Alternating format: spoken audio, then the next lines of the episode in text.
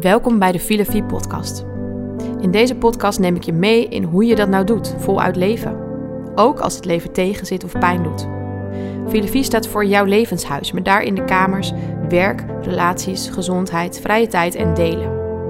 In de Filofie Academy help ik vrouwen zoals jij om dichter bij zichzelf en bij God te leven.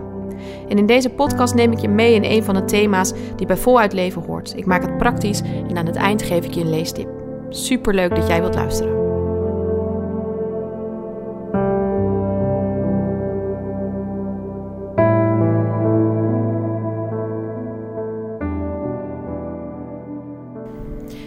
Het is inmiddels december en ik ben onwijs benieuwd hoe jij deze maand beleeft.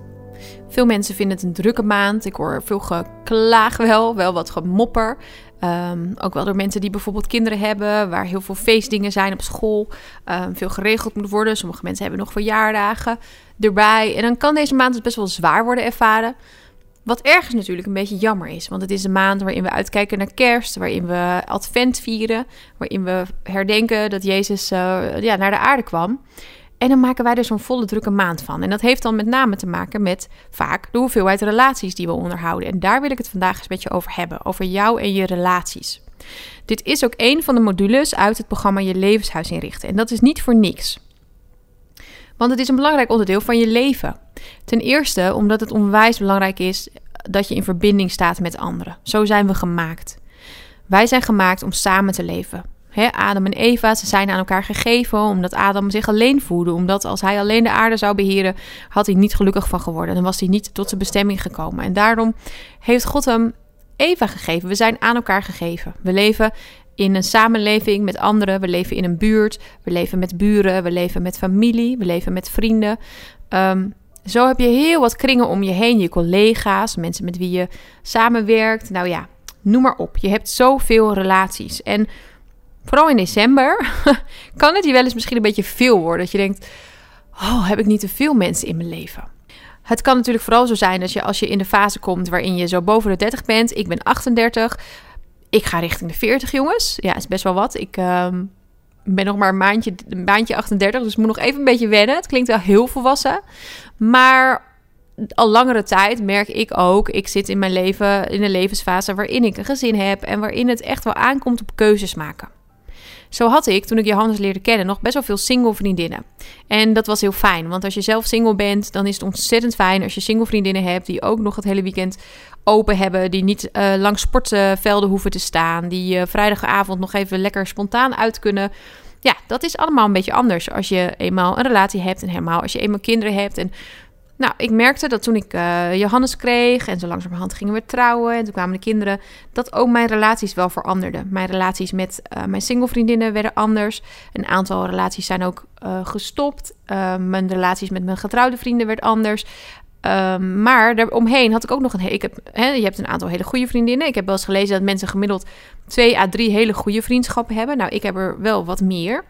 Um, maar ik heb een groepje van vijf vriendinnen die ik echt al allemaal bijna twintig jaar ken. Dus dat zijn, nou, kan ik wel zeggen, mijn beste vriendinnen. Um, alleen die wonen bijvoorbeeld weer niet zo in de buurt, want wij zijn verhuisd. Dus dan verandert er ook iets in je vriendschappen. Vervolgens leer je mensen kennen die in je buurt wonen. Dat zijn de mensen die kom je in een fase tegen. Um, de bootjes, de scheepjes die voorbij varen. Want als jij misschien verhuist, dan zijn dat misschien ook niet de mensen die dan weer als vriendschap meegaan. Dat zijn misschien ook mensen die horen bij de levensfase en bij de plaats waar jij nu woont. Maar die zullen misschien niet voor altijd blijven. Dan heb je je collega's, maar waar je misschien ook wel vriendschap mee onderhoudt. Want die zie je ook best wel veel uur in de week. Dan heb je je eigen relatie uh, als je een partner hebt. Uh, je hebt misschien kinderen. Als je single bent, dan heb je weer hele andere relaties. Want dan zijn je vriendinnen op een andere manier ook weer belangrijker. Of dan maak je misschien weer meer onderdeel uit van je familie. Want dat hebben we ook nog, onze familie. Nou, en zo merk je, uh, voor iedereen is het anders. Want de een woont heel erg in de buurt van zijn familie. En daar merk je dat dan haar familie veel meer onderdeel is van haar leven. Uh, voor anderen zijn dat vriendschappen. En dit verschilt voor iedereen. Maar wat je op een bepaald moment in je leven wel gaat merken, is als je werkt, als je druk bent, als je van alles te doen hebt, dan kun je niet alles meer bijhouden. En dan heb je bijvoorbeeld vriendinnen die je nog kent uit je studententijd. Of nog een vriendin die je kent uit de kerk van vroeger. Of nog een oud collega. En dat worden dan op een gegeven moment wel relaties waarvan je denkt, ja, daar spreek ik misschien maar één of twee keer per jaar mee af. Dus is prima. Alleen als je natuurlijk tien van zulke relaties hebt waar je één of twee keer per jaar mee afspreekt, dan wordt het alsnog best wel veel. ik merkte dat op een gegeven moment, nou in het begin toen Hans en ik nog geen kinderen hadden, was ik zeker drie avonden per week op pad. Was ik veel uit eten. Uh, toen kon dat nog, al die relaties onderhouden. Maar ook toen al vond ik dat best wel veel. En op een gegeven moment ben ik daar toch um, over gaan nadenken van, ja, wat wil ik hier nou mee? Ten eerste omdat dus soms vanzelf dingen veranderden. Uh, maar ten tweede omdat het ook een, wel soms een bewuste keus was. Ik had bijvoorbeeld bepaalde relaties Waarvan ik merkte van, hé, hey, als ik niks laat horen, nou, dan laat de ander ook eigenlijk niks horen. En misschien is dat ook wel prima. Misschien stop ik ook dan nu met actief contact op te blijven nemen. Want dat wordt gewoon een beetje veel. Ehm, ik zei net al, het is een module. Dus in het programma Je Levenshuis inrichten. Dat is het programma van drie maanden wat ik aanbied in ehm, eh, de Academy. Daarin ga je helemaal aan de slag met je levenshuis. En met je leven zo vormgeven dat het een eenvoudiger, simpeler leven wordt. Waarin je veel meer in vrijheid uh, en veerkracht leeft. En een van de dingen is daar dus um, jij in je relaties. Maar een andere module is ook een eenvoudiger leven. Een onderdeel van eenvoudiger leven is dat je ook nadenkt over de hoeveelheid relaties die je onderhoudt. Want je kunt op een gegeven moment in je leven niet meer 100 relaties onderhouden. Dan gaat het om wat wil ik met mijn relaties? Uh, hoe wil ik met mijn vriendinnen contact hebben? Wil ik dat het vluchtig is, even twee uurtjes daar? Of wil ik diepgaand contact met ze hebben en het onderhouden? Ja, dan betekent dat toch echt wel keuzes maken. Maar het betekent ook sowieso keuzes maken in je tijd. Um, als je kijkt naar de gemiddelde schermtijd die wij hebben, in de, in, gemiddeld is het vier uur voor mensen.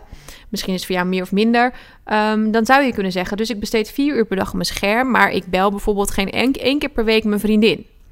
Ja, dan komt het er ook op aan dat je natuurlijk eens nadenkt van... hé, hey, um, zou ik een andere keuze kunnen maken? Zou ik kunnen gaan naar twee of drie uur schermtijd...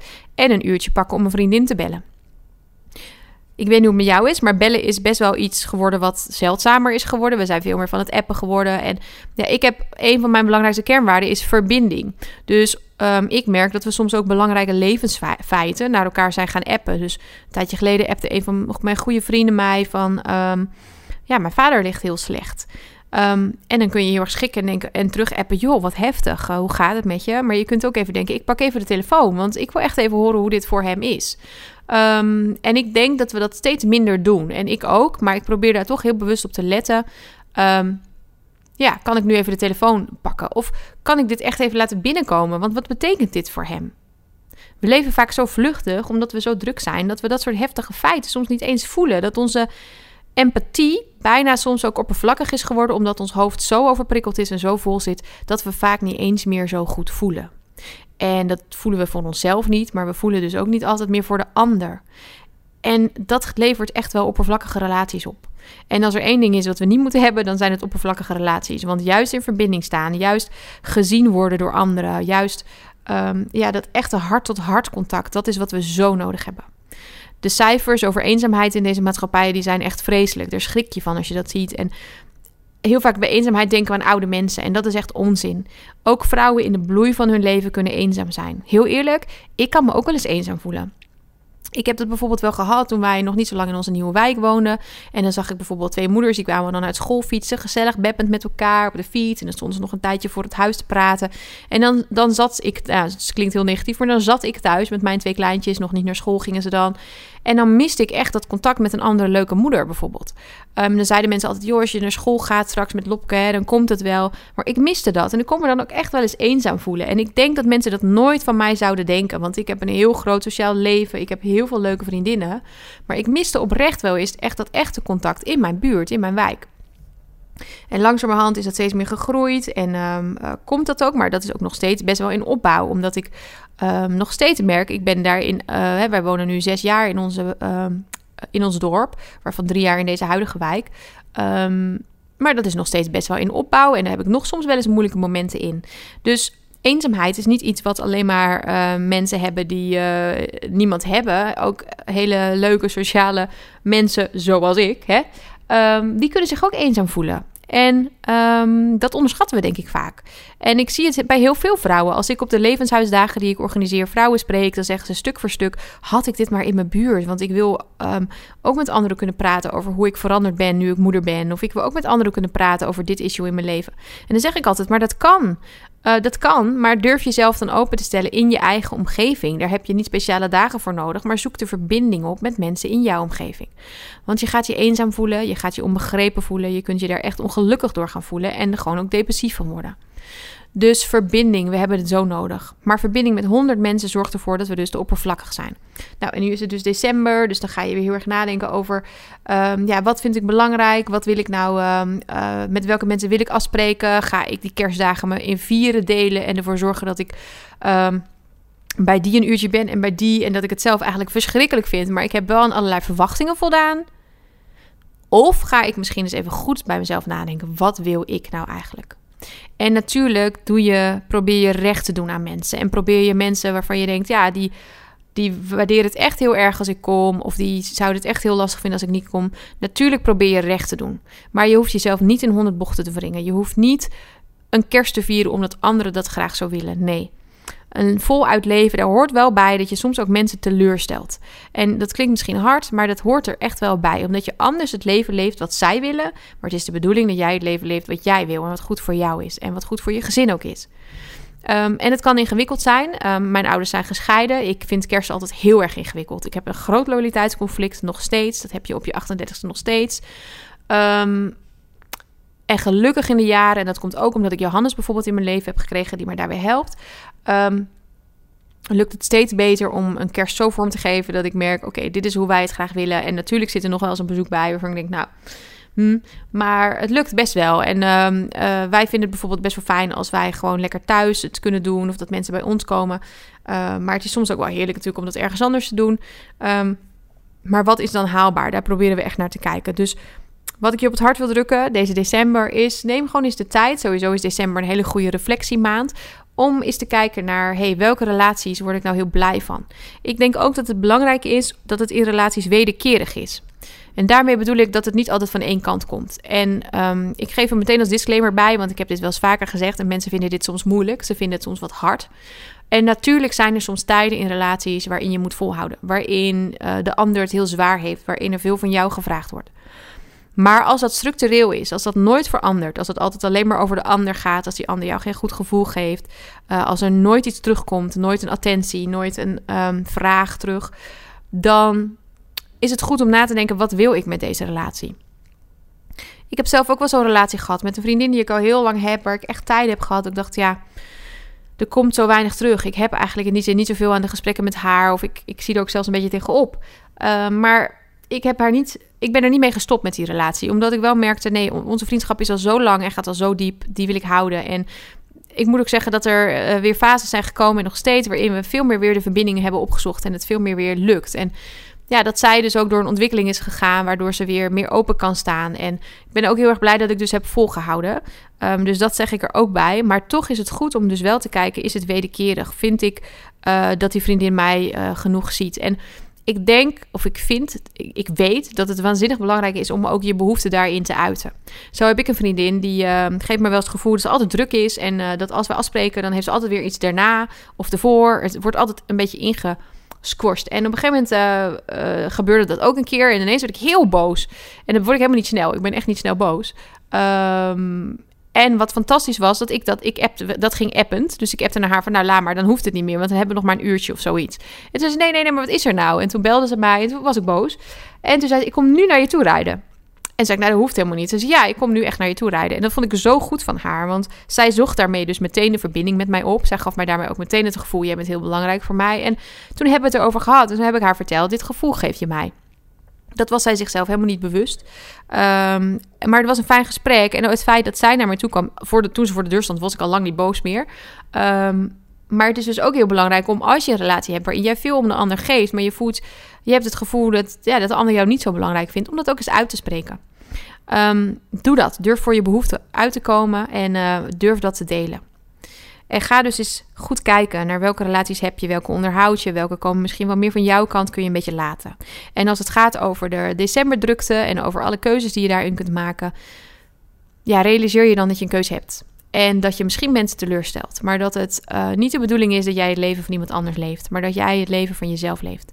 En zoek erin echt wat goed is voor jou, voor je eventuele gezin. Ook als je alleen bent, zoek dan naar waar jij je fijn voelt. Um, en kies daarin echt voor, uh, voor wat goed is. Zodat jij ook de kerst kunt vieren die ja, die je ook dichter bij Jezus brengt. Die je ook, uh, hè, waarin je ook omringt met mensen waarvan je denkt, ja, zij ervaren dat ook zo. Ik hoop dat je dat mag uh, hebben, dat je een hele fijne decembermaand mag hebben. Als het heel druk is, vergeet niet om adem te halen. Vergeet niet om misschien af en toe iets af te zeggen. Om misschien iets aan je partner over te laten als je die hebt. Want wij vrouwen hebben ook wel erg de neiging om alles zelf te willen doen. En uh, ga vooral uh, ook genieten van alles wat er dit, deze maand op je afkomt. Mijn nieuwe boek Tijd met God ligt vanaf nu in de winkels. Het is een boek waarin ik je meeneem in hoe je tijd met God kunt doorbrengen.